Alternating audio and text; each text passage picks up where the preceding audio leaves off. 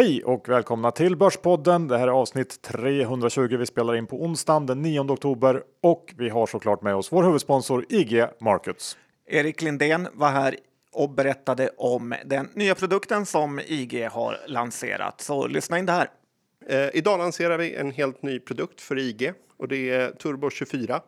Det är listade värdepapper som väldigt likt turbovaranter Mini Futures tillåter kunder att handla med flexibel hävstång, med full kontroll över risken i positioner och framför allt till skillnad från vanliga listade turbovaranter och Mini Futures marknaden idag så finns handeln 24 timmar om dygnet. Så från måndag morgon till fredag kväll kan kunder handla precis när de vill. Varför har ni valt att gå in i den här marknaden?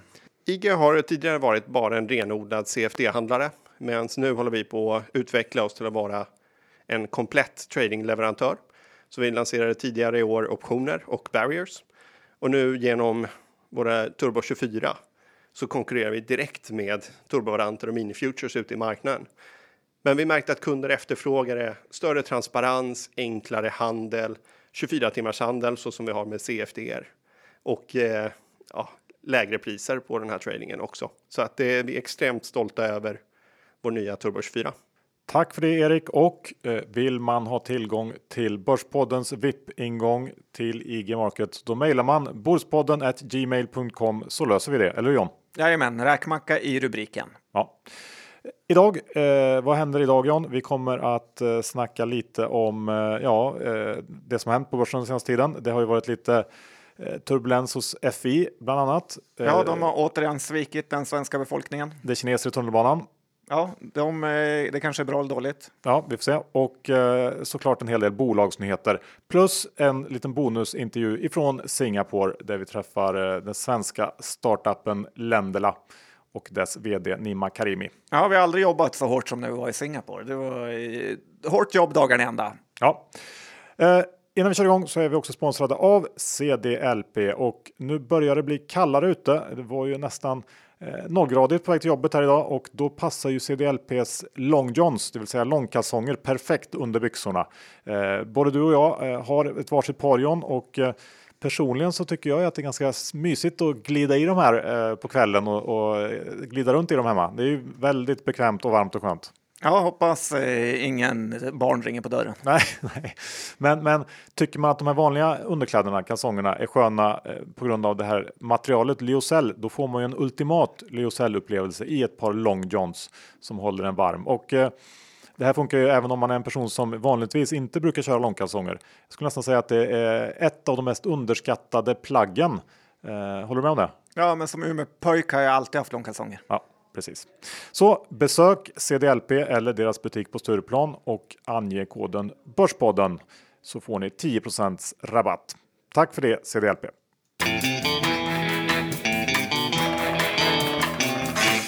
Johan Dr. Bass Isaksson indexar i 1612 och Eh, det är eh, svajigt på börsen just nu. Vi har sagt det många gånger, men eh, nu är det faktiskt så. Vad säger du som har bäst koll på index av alla i hela Sverige här efter att typ kommenterat det nu i 320 veckor? Ja, en reflektion först är väl att jag börjar känna att det här Dr. Bass eh, nicknamet som du på något sätt har skaffat åt mig lite av en felsatsning ändå efter liksom, tio års hås. Eh, kunde gått vägen, men det gjorde det inte. Nej, men det är en enorm goodwill-post eh, inbyggd i det där som kanske får skrivas ner, men kommer börsen krascha så kommer du vara den som alla tidningar vill åt.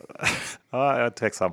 Um, nej, men vi har ju kommit ner lite grann här inför rapporterna, men det är ju ändå marginellt och det känns som att börsen eh, liksom väljer helt att anamma TINA eh, och inte bry sig om att all makrodata pekar på att vi i slutet här av Q3 fick se en ganska rejäl försvagning av ekonomin.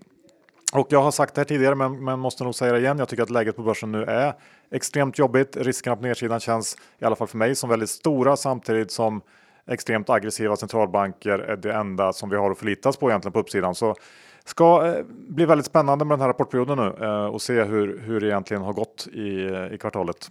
Ja, det är verkligen inte många omvända vinstvarningar så att det, eh, det känns som att det varit en riktig eh, rövperiod här under sommaren. Så att eh, ja, det, ja om men... bolagen kan överraska positivt så borde det kunna ge lite skjuts. Men samtidigt så är ju alla väldigt inställda på det också nu och det kanske inte riktigt har Jag såg Dagens Industri skrev idag, i, i, han hade gjort någon sån här rundringning bland onoterade verkstadsbolag eh, och där verkar ju ändå minnena vara hyfsat eh, muntra. Det går inte jättebra, men det verkar absolut inte vara någon slags eh abrupt eh, fall i orderingång och annat. Så eh, vi får se om, om förväntningarna ligger i linje med börskurserna. Ja, det kan bli bra tradingveckor om inte annat. Ja, om man gör rätt. Ska vi gå över till eh, kineserna i tunnelbanan? Eh, det har ju varit stort här i media sista veckan om eh, det här kinesiska statliga bolaget som fått ett stort tunnelbanekontrakt i Stockholm och ehm, de har alltså lagt överlägset lägsta budet. Tvåan var 70 dyrare. Och vad säger vi om det här John?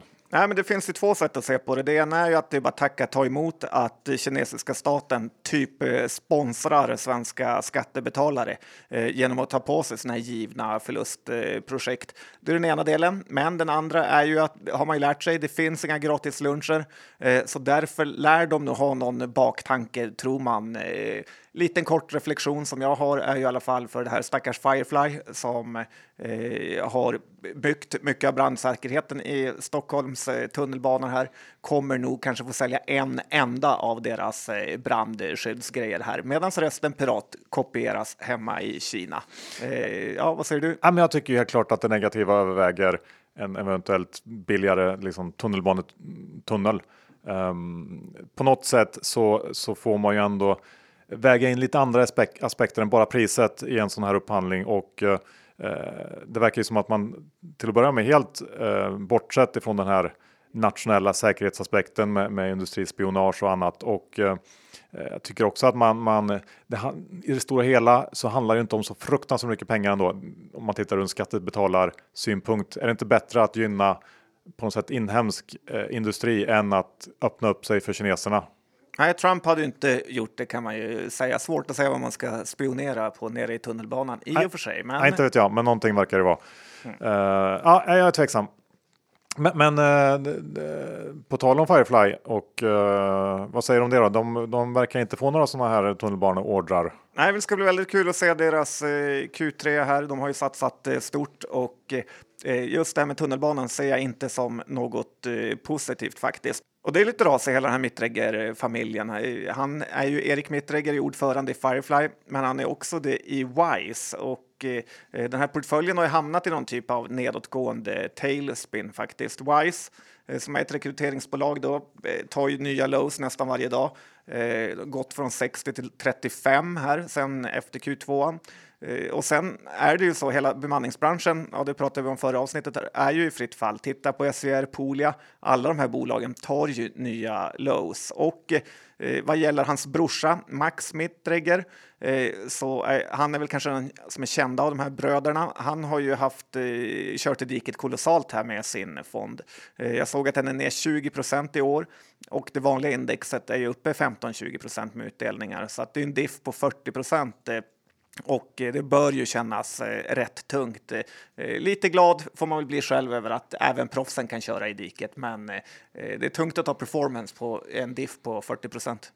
Ja, det går nog inte riktigt. Vi lämnar det och går över till det som har snackats också mycket om i veckan. DIs gräv får man väl säga på eller kring Finansinspektionen och den biträdande generaldirektören som fick ett toppjobb på Handelsbanken och samtidigt då la ner en mängd undersökningar mot banken. Ehm, och att det inte fanns någon jävsituation här som FI menar är ju bland det sjukaste jag någonsin hört tror jag. Ehm, det är liksom ännu en gång så silar man mygg och sväljer kameler och det är ju trist för alla småsparare där ute som i många fall faktiskt fått hela sina privatekonomier förstörda av sinnessjuka böter för struntsaker. Eh, men då som inte kunnat byteshandla med myndigheten och erbjuda toppjobb. Nej, så är det verkligen. Och det är ju pinsamt hur en statlig myndighet säger att de jobbar för att det ska finnas ett högt förtroende eh, för Sveriges finanssektor och så gör de precis eh, tvärtom eh, gång på gång. Bra att Dagens Industri äntligen gör sitt jobb här och granskar den här myndigheten ordentligt. Att han hade lagt ner fyra utredningar mot banken sista dagarna av det här som du sa, det är ju lite innan han fick toppjobbet på Handelsbanken. Det är lite den här känslan som amerikanska presidenter när de benådar massa tjejer kompisar eh, sista veckan på eh, presidentskapet. Eh, det är fult, men det är ingen eh, som är förvånad Johan. Chefen från FI Han kommer ju från Nasdaq och där har det ju verkligen tagits i med hårdhandskarna eh, gällande för högfrekvenshandel och annat som förstör för vanliga folket. Eller Ja. inte, eller hur? Nej. Och eh, det är ju vi småsparare som får hålla ihop eh, trots att alla jobbar emot oss. Eh, eh, strength in numbers brukar de säga i USA. Det är det, är det enda vi har. Ja, men det är bara att hoppas nu att, eh, att det här trycket medialt sett fortsätter mot myndigheterna och jag vill ju att några huvuden ska rulla nu. Man vill ju, man vill ju se blod. Ja, men det vill man. Det är faktiskt värt att vi småsparare vänder på steken. Bra, det var det sagt. Och John, det största hotet mot världsekonomin just nu, det vet du vad det är. Ja, jag har läst eh, några artiklar här om en sak som händer nästa år som vissa då beskriver är det största hotet någonsin mot eh, världsekonomin. Eh, Kan du gissa? Jag vet inte. FI anställer ännu fler folk. Nej, inte, det var den näst största. Ja, men jag vet inte, vad är det för någonting? Det är 90 90-talisterna börjar från och med 2020 att fylla 30 år. Och eh, det är förmodligen den mest bortskämda generationen som någonsin satt sin fot i arbetslivet och nu ska de börja leverera ordentligt. Eh, eh, dessutom sägs det att de har andra värderingar eh, där pengar och arbete inte alls är lika viktigt. I grund och botten så köper jag inte det här resonemanget för det känns som att alla tycker att generationen innan är bortskämd. Men det ska ändå bli lite spännande att se hur det går eh, just för att så många är oroliga för det här arbetslivsbytet mellan lutherska Eh, 50-talister och livsnjutar 90-talister. Eh, har du någon kommentar? Eh, nej, nej, men det, det, jag håller väl med. Det, mm, jag vet inte riktigt om det kommer räcka till med, med liksom influenser och eh, tv-spelsjobb åt alla.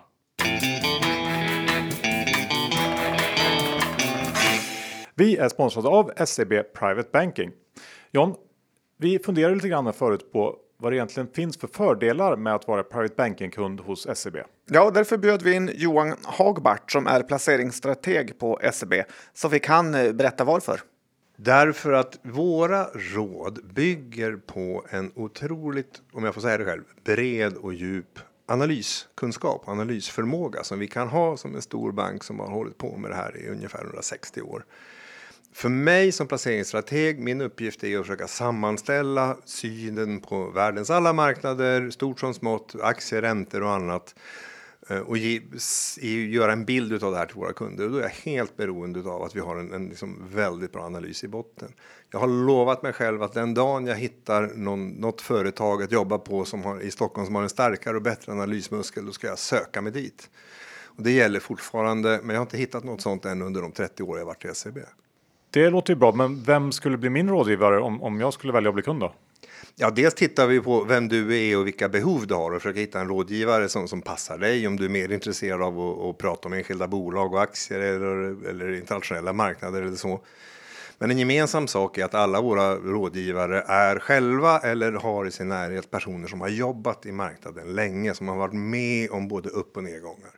Det är ganska lätt att ge råd när börsen går upp tio år i rad som den har gjort på sistone. Men det är när det blir svåra tider och när det är jobbigt och när börsen går ner som det verkligen är viktigt att ha ett vettigt och bra bollplank som har erfarenhet. Och det är där min största stolthet över alla mina kollegor finns. Låter det här intressant? Gå då in på seb.se private banking där du kan läsa mer om private banking erbjudandet och eh, hitta kontaktuppgifter till private banking på SEB för att då få hjälp av Johan och hans kollegor.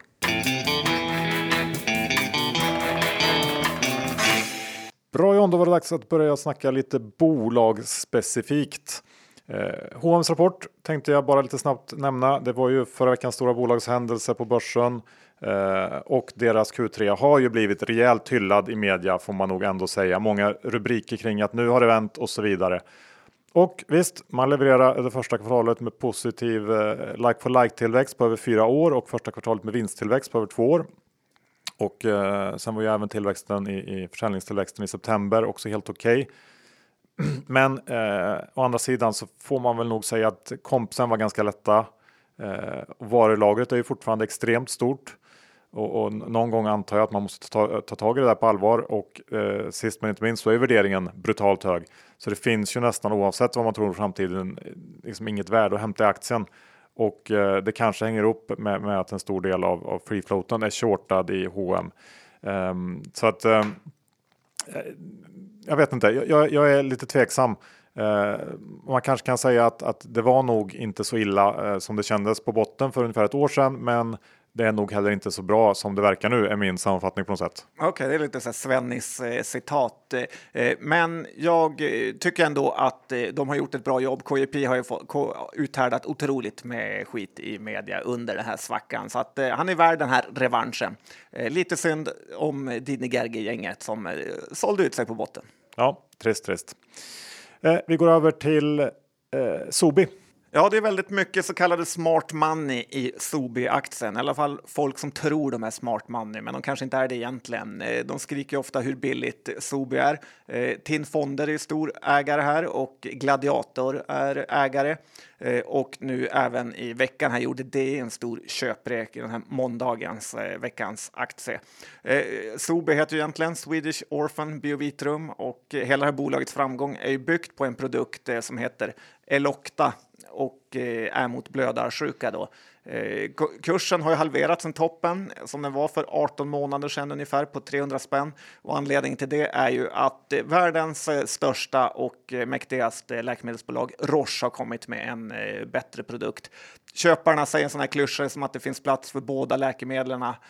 Men om man tittar på en liten enkel jämförelse som jag har gjort här, om man tittar på Medivir som hade en av världens bästa produktlanseringar någonsin med sitt eh, hepatit eh, C-preparat eh, så dog den försäljningen nästan över natten när en bättre konkurrent kom. Eh, och det är mycket för att i USA så är när du väl tecknat en sån här sjukvårdsförsäkring så får man den bästa vården av försäkringsbolagen och de väljer alltid eh, det läkemedel som är rankat då som bäst och att ha då den näst bästa medicinen eh, är typ likadant som att ha den eh, sämsta.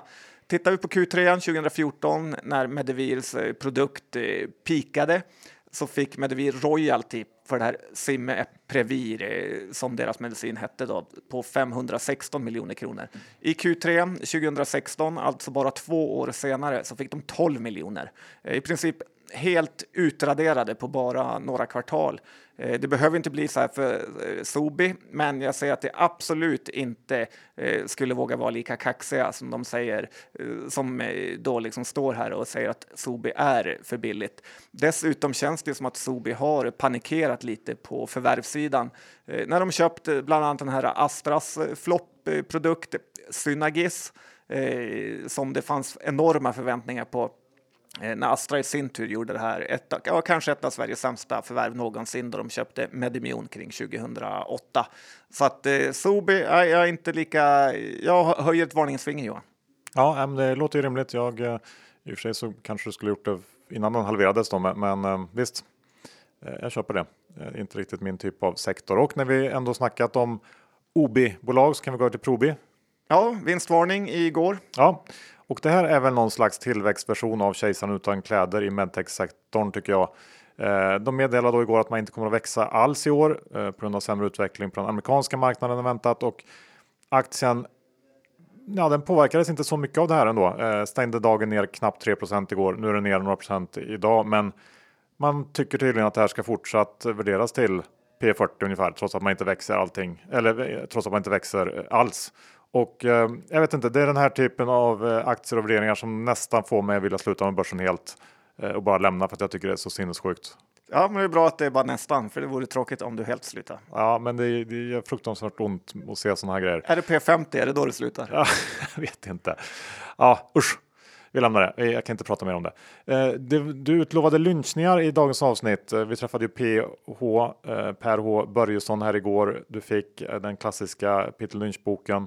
Och ja, vi får höra om det har blivit något bättre. Du har väl läst igenom den nu antar jag? Ja, det är lite trist att Per H betvivlar min engelska. Det kanske han gör med rätta. Eh, för den var nog en av de första böcker som han läste faktiskt. Eh, men det ena är att jag var på Byggmax i Järfälla eh, förra söndagen. Och förutom att det kändes ganska nerslitet lokalområde där så fungerar det fint med att köra in bilen och hämta upp lite grejer. Men det som är det viktiga tycker jag är att jag var helt själv där på en eh, söndag. Det måste ju vara någon typ av brakförlust att ha såna här butiker. Som, eh, så att eh, jag var lite upprymd av det och pratade med en granne som också varit på Byggmax. Och då sa han då helt oväntat att jag var där idag också, fast i Bromma. Eh, och det konstiga var att jag nästan var helt själv.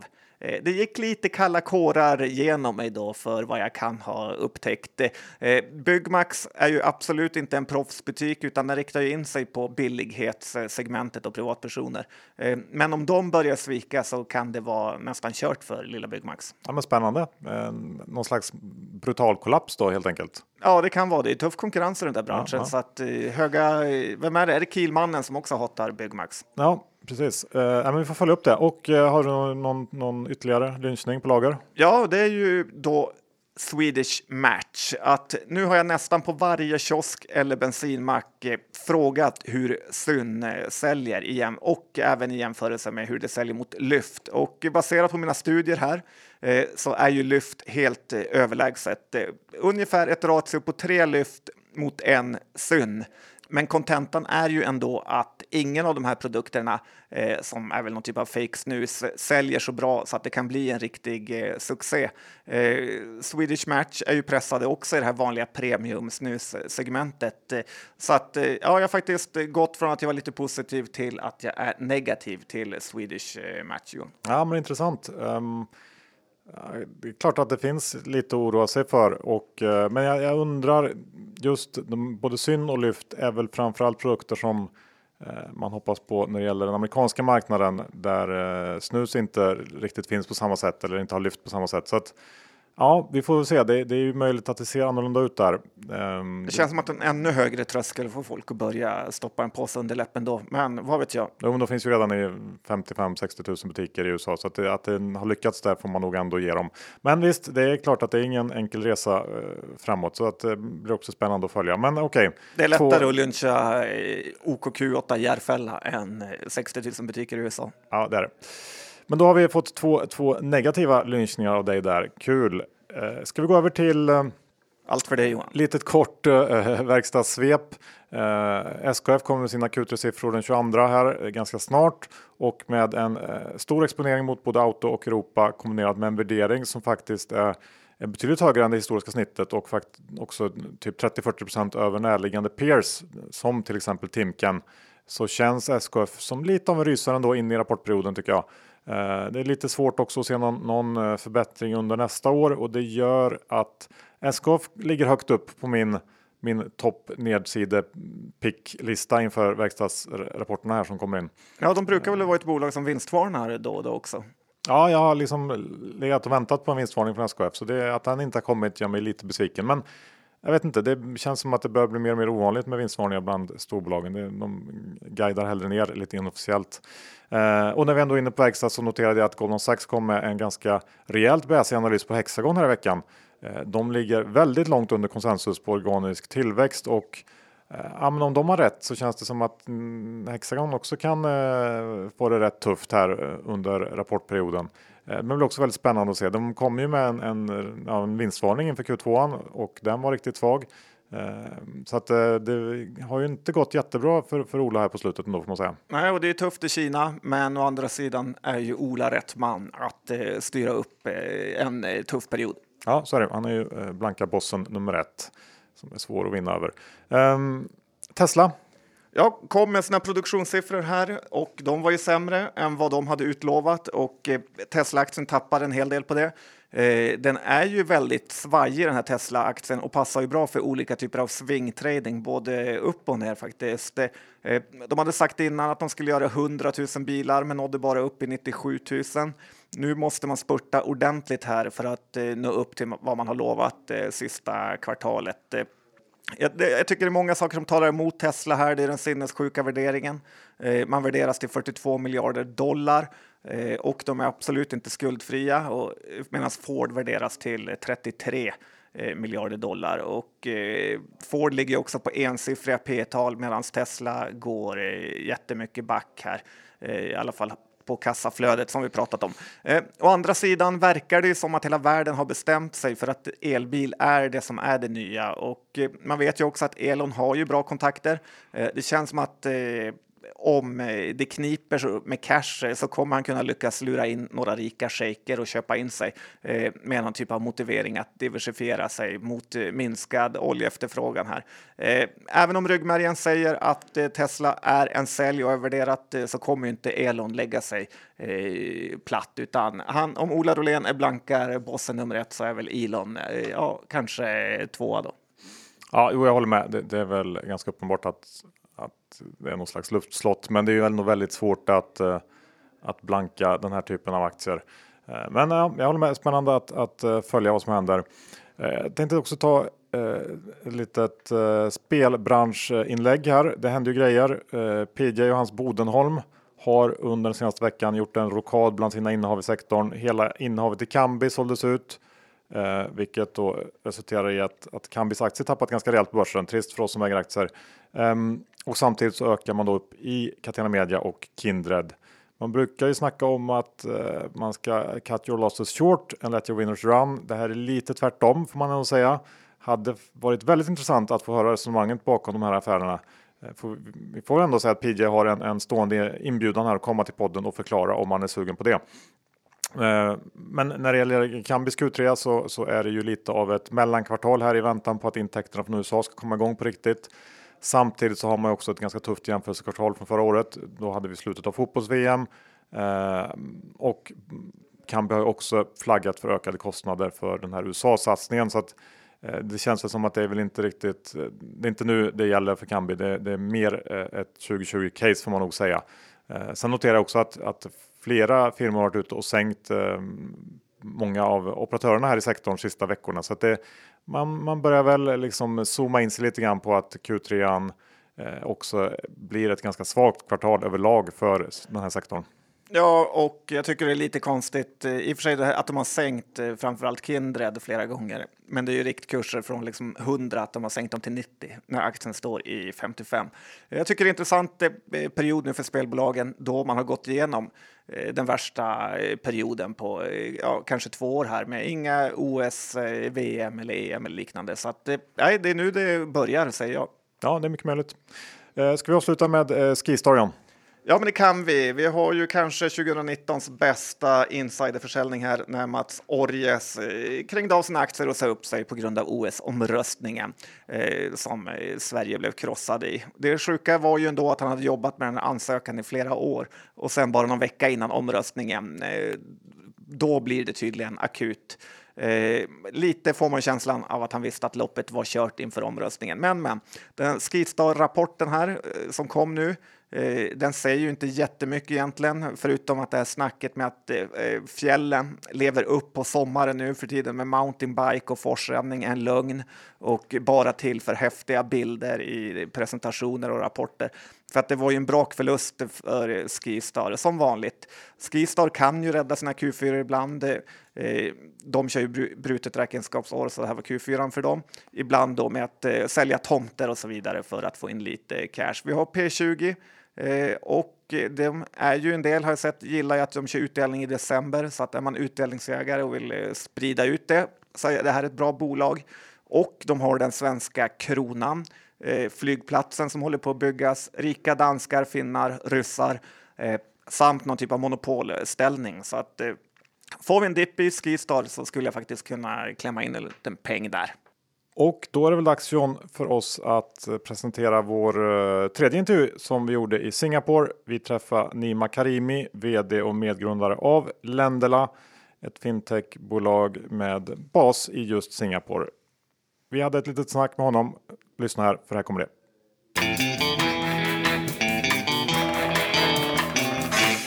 Nima Karimi, vd och medgrundare av Lendela. Eh, vi sitter i ert, ja, på ert kontor kan man säga. Det är någon slags startup-ställe här va? Ja precis, vad kallar vi det? Coworking kontorshotell kallas det. En slags WeWork-aktigt. Exakt. Ja, lite hippt sådär. Eh, berätta lite snabbt, vad, vad, vad gör du här? Vad, vad, gör ert bolag?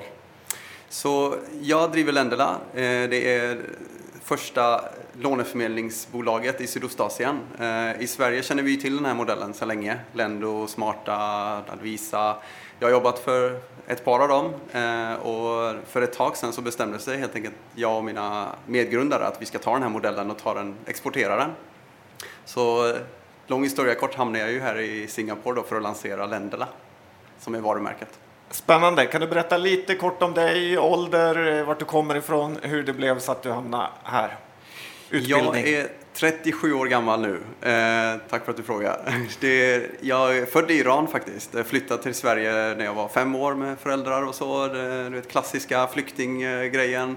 Eh, bodde i Sverige i 30 år och jag pluggade faktiskt eh, systemvetare och civilekonom och lyckades inte avsluta någon av de utbildningarna. Eh, till mina föräldrars stora förtret såklart. Eh, men jag gick in i försäkringsbranschen och jobbade på If skadeförsäkring i många år. Och där skolades jag från, ja, från att vara säljare på kvällsteamet till coach och affärsutveckling, key account. Ja, helt enkelt liksom blev skolad i den här corporate-miljön som finns där. Och därifrån gick jag till Schibsted och på Schibsted var faktiskt första gången jag fick uppleva lite andra eh, mer konsumentjämförelsetjänster eh, som, som vi kallar det. Eh, och jag jobbade med försäkring när jag kom dit men så blev jag väldigt fascinerad av den här låneförmedlingsmodellen som Lendo hade. Eh, fick jobba lite med dem såklart men sen så gick jag till Lendos eh, största konkurrent och Freedom Finance hette de då och senare blev Smarta. Där var jag ansvarig för affärsutvecklingen, eh, lanserade en massa produkter under de tre år som jag var där. Jag gjorde, lanserade Smarta till att börja med och sen så lite andra varumärken under Smarta. Eh, kreditkortsjämförelser, sparkontojämförelser, jag byggde P5-appar likt Tink. Eh, fick leka mycket och testa mycket olika produkter eh, men blev ju mer och mer liksom, förälskad i den här låneförmedlingsmodellen och för att på grund av det, det här klassiska, man, man pratar ju om win-win situationer men den här modellen har ju en sån fantastisk win-win-situation. Eh, med att man hjälper konsumenter hitta de bästa erbjudandena men man hjälper också långivare hitta rätt kund och inte vara ute själva där och försöka slåss i, ute på marknaden.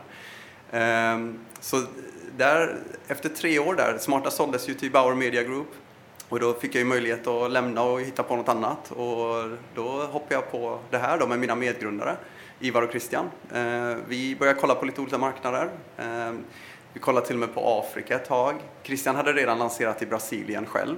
Eh, men, så det, det var ju off, off, limits, men jag var där lite och fick uppleva Sao Paulo och den verksamheten. Men vi hamnade, jag började resa till Singapore ganska mycket och pendlade typ fram och tillbaks Eh, konstant jetlaggad någonstans, antingen i Sverige eller i Singapore ett tag. Men eh, började känna, okej, okay, här finns det möjligheter. Jag besökte Malaysia, så okej, okay, det finns ett par marknader som vi kan börja med direkt. Eh, så lång historia kort, vi fick in eh, pengar. Vi tog in en lokal investerare, en VC-firma, Cocoon Capital, och de investerade i oss och jag flyttade ner och tog, an, tog mig an rollen och lanserade länderna. Hur mycket pengar tog du in? Vi tog in i första rundan 1,3 miljoner singdollar. Typ 10 miljoner? Ja, just det. Ja. Vi har aldrig räknat om till svenska kronor, men ja, en miljon US. Så det är väl 10 miljoner nu, ja. Men, men den här modellen är, har ju funnits ganska länge i, i Sverige. Men det, det fanns inget liknande här, eller? Varför? Nej, det, det, är det som är så fascinerande. Och självklart nu efter att ha varit där ett år så har jag fattat lite varför eh, också. Men det som finns här är den här klassiska jämförelsemodellen som vi, vi har ju det i Sverige också. Compriser gör ju en liknande, det här klassiska. Eh, man besöker någon sida som visar alla, alla potentiella banker som finns på marknaden eller försäkringsbolag eller elbolag och så klickar du på den du är intresserad av och så blir du skickad till det elbolagets hemsida. Eh, det är ju en lead, man är en leadsgenerator, eh, man genererar leads till sina partners.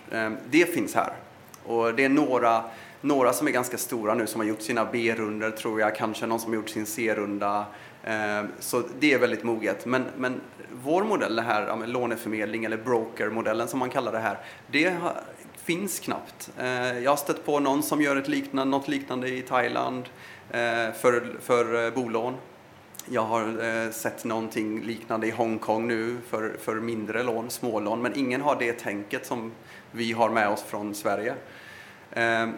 Och anledningen till det då, jag tror dels bara klassiskt, man har inte tänkt på det. Jämförelsemodellen funkar väldigt bra. Det är en, det är en lönsam business det också. Du kan komma ganska långt på det. Eh, men det, är också det, det krävs väldigt mycket jobb med den här modellen. Man, man måste ju, som ni kan tänka er, då, en leadsgeneratormodell, du, du behöver i stort sett eh, skriva avtal med marknadsenheten på en bank för att kunna skicka leads till dem. Eh, men med vår modell så måste du i stort sett gå in i bankens operation och i produktteam och techteam och integrera det djupt. Och som ni kan tänka er, samma sak här som i Sverige, det är inte lätt att göra det med långivare och banker och all, all eh, regelverk som finns och byråkrati.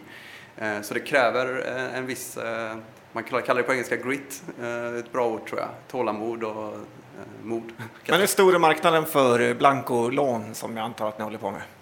Ja, eh, vi, drar, eh, vi är i fyra marknader nu. Så vi, kom hit i juli förra året. Eh, vi fick igång första marknaden någonstans i början på det här året och det var Singapore. Och sen lanserade vi Malaysia och i maj lanserade vi Thailand och för några veckor sedan lanserade vi Hongkong. Och de fyra marknaderna säger vi är ungefär 400 miljarder singdollar i konsumentlån bara. Och konsumentlån är en väldigt liten del av den totala lånestocken som jag tyvärr inte har siffran på. Men eh, det är ju, eftersom vi börjar med konsumentlåneprodukten så har vi valt att fokusera på det. Men vi kan självklart göra billån och bolån och företagslån också. Hur mycket har ni lånat ut hittills? Eh, bra fråga. Jag, jag, räknar inte på det sättet men eh, det är ju definitivt i, det, det, går ju snabbt upp för det, det, ju, det, det blir snabbt väldigt fina siffror för vi får ju provision på det, beloppet men det blir snabbt miljoner eh, som vi har lånat ut. Men för att eh, vara helt tydlig, det är inte vi som lånar ut pengarna utan det är våra partners, våra långivare som lånar ut pengarna. Men vi har förmedlat miljoner. Mm.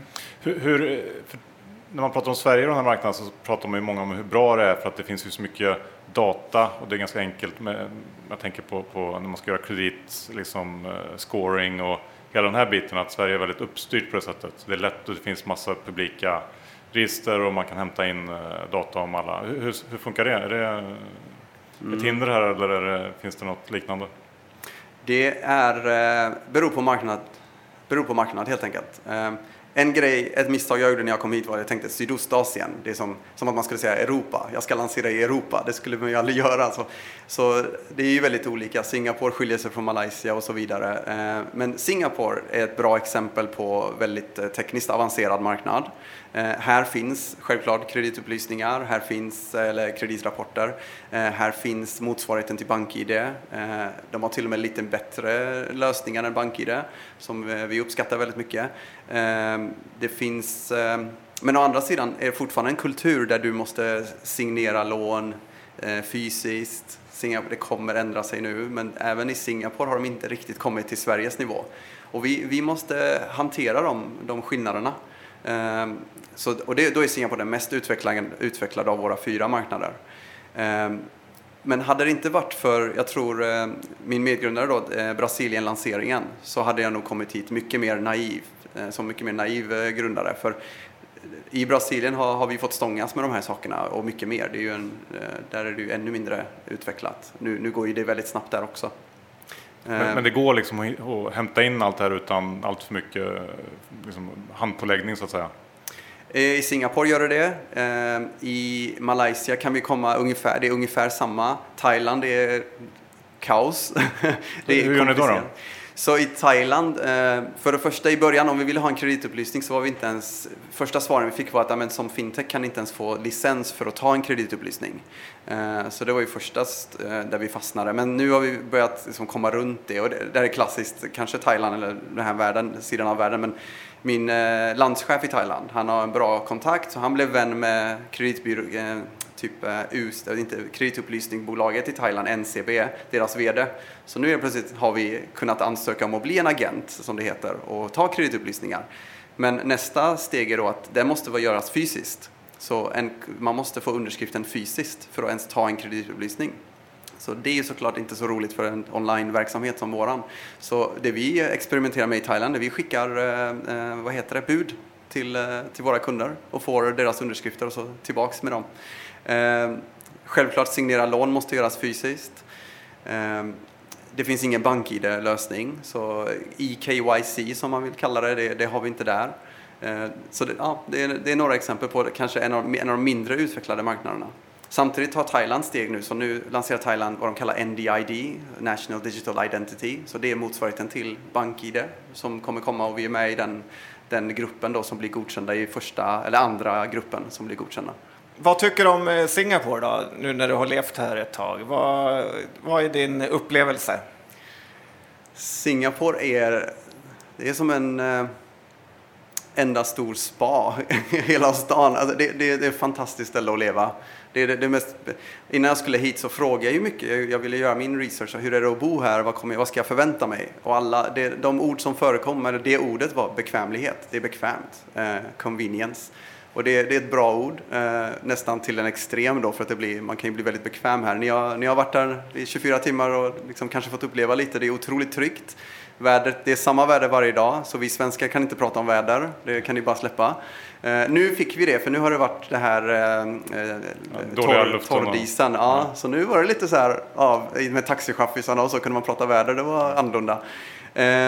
Det, det, allting är tillgängligt. Det, man, det är kanske anklagat för att vara ett dyrt land, men har du bott i Stockholm så är det inte, det är inte dyrare än Stockholm. Och vissa saker är väldigt mycket billigare om ni har kanske ätit lite på lite de här uteställena eller, eh, och taxi har ni kanske märkt det.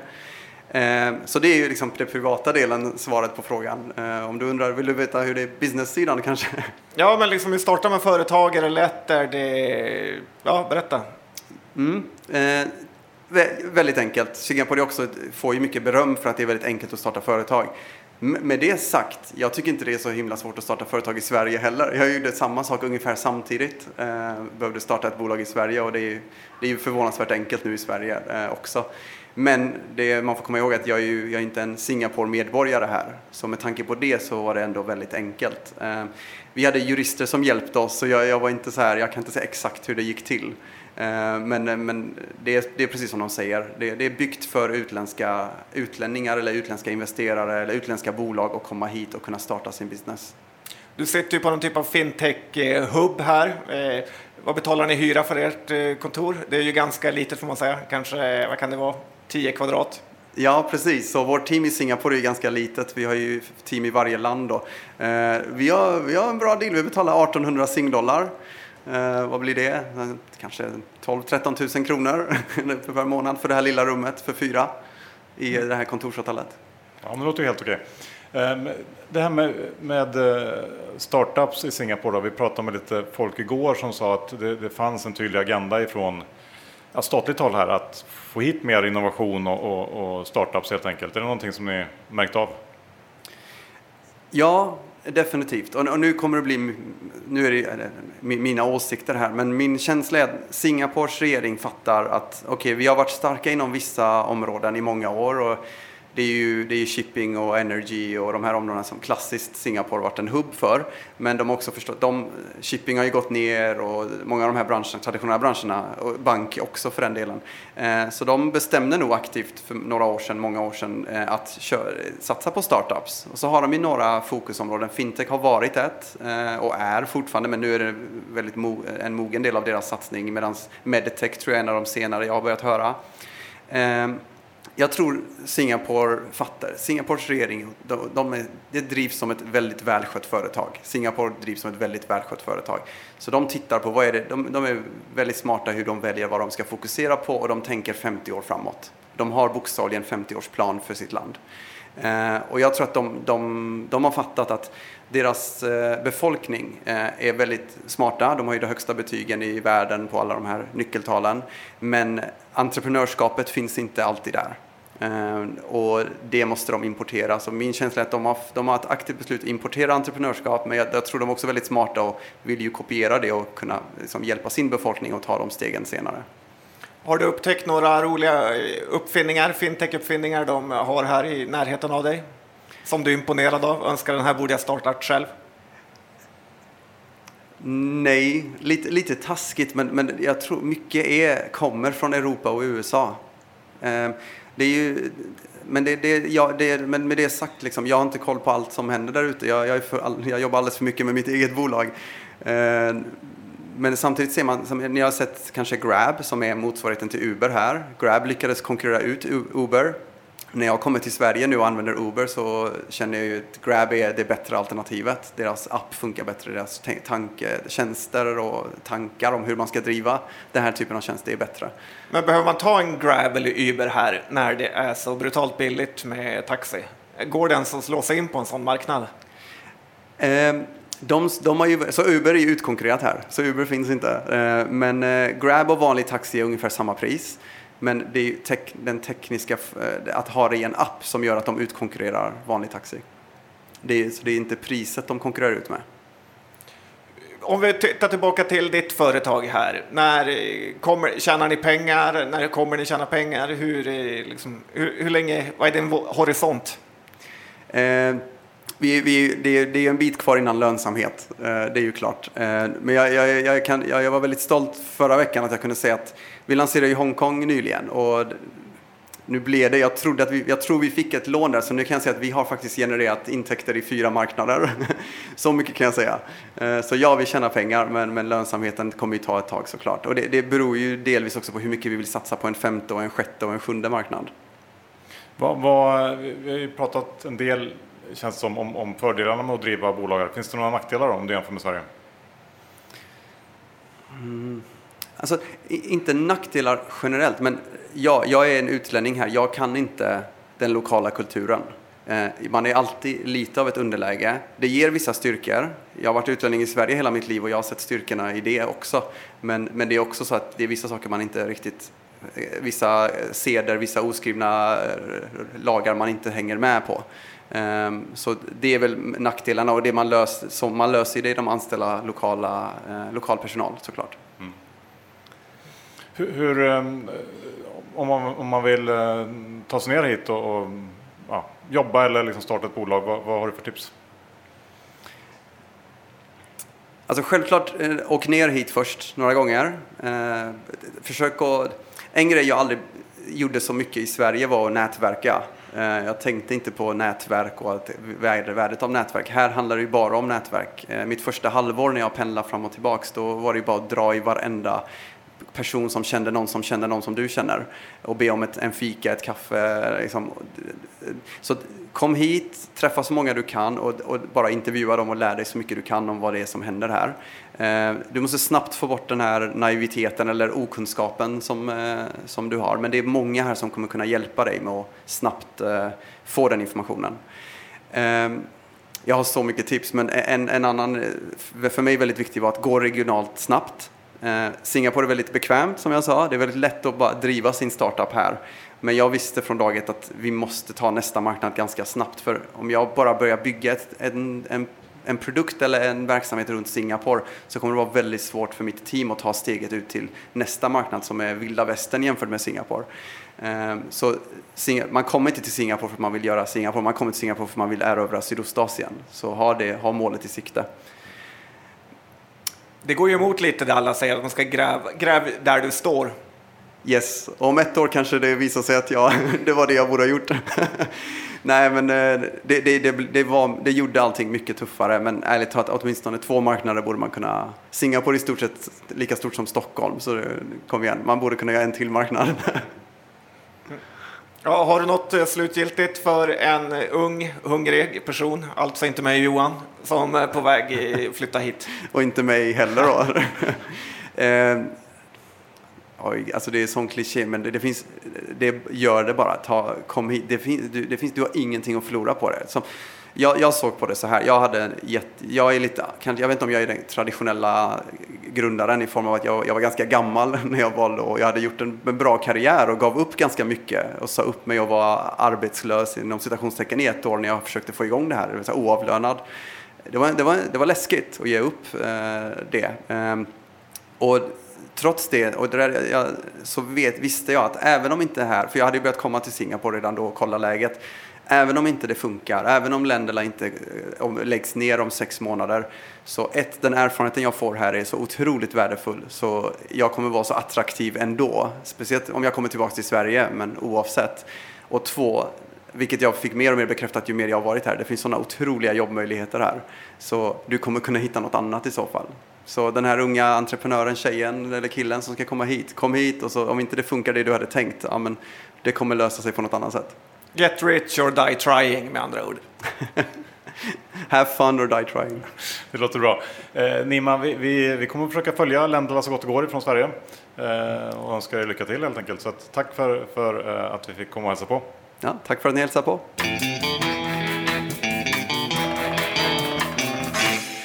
Slut på avsnitt 320. Vi tackar IG Markets som är vår huvudsponsor. Vill ni ha räkmackan, vippingången, ja då mejlar ni till borspodden gmail.com så kommer vi att ordna det till er.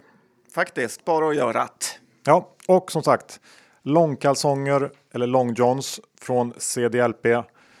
Ja, det är faktiskt en makalöst härlig upplevelse. Jag eh, går runt med mina i princip konstant nu när det har blivit höst slash vinter. Det är ett måste. Hösten är din favoritårstid med. det är det faktiskt. Eh, Så gå in på cdlp.com eh, eller besök deras butik på Stureplan och använd koden Börspodden för att få 10 i rabatt.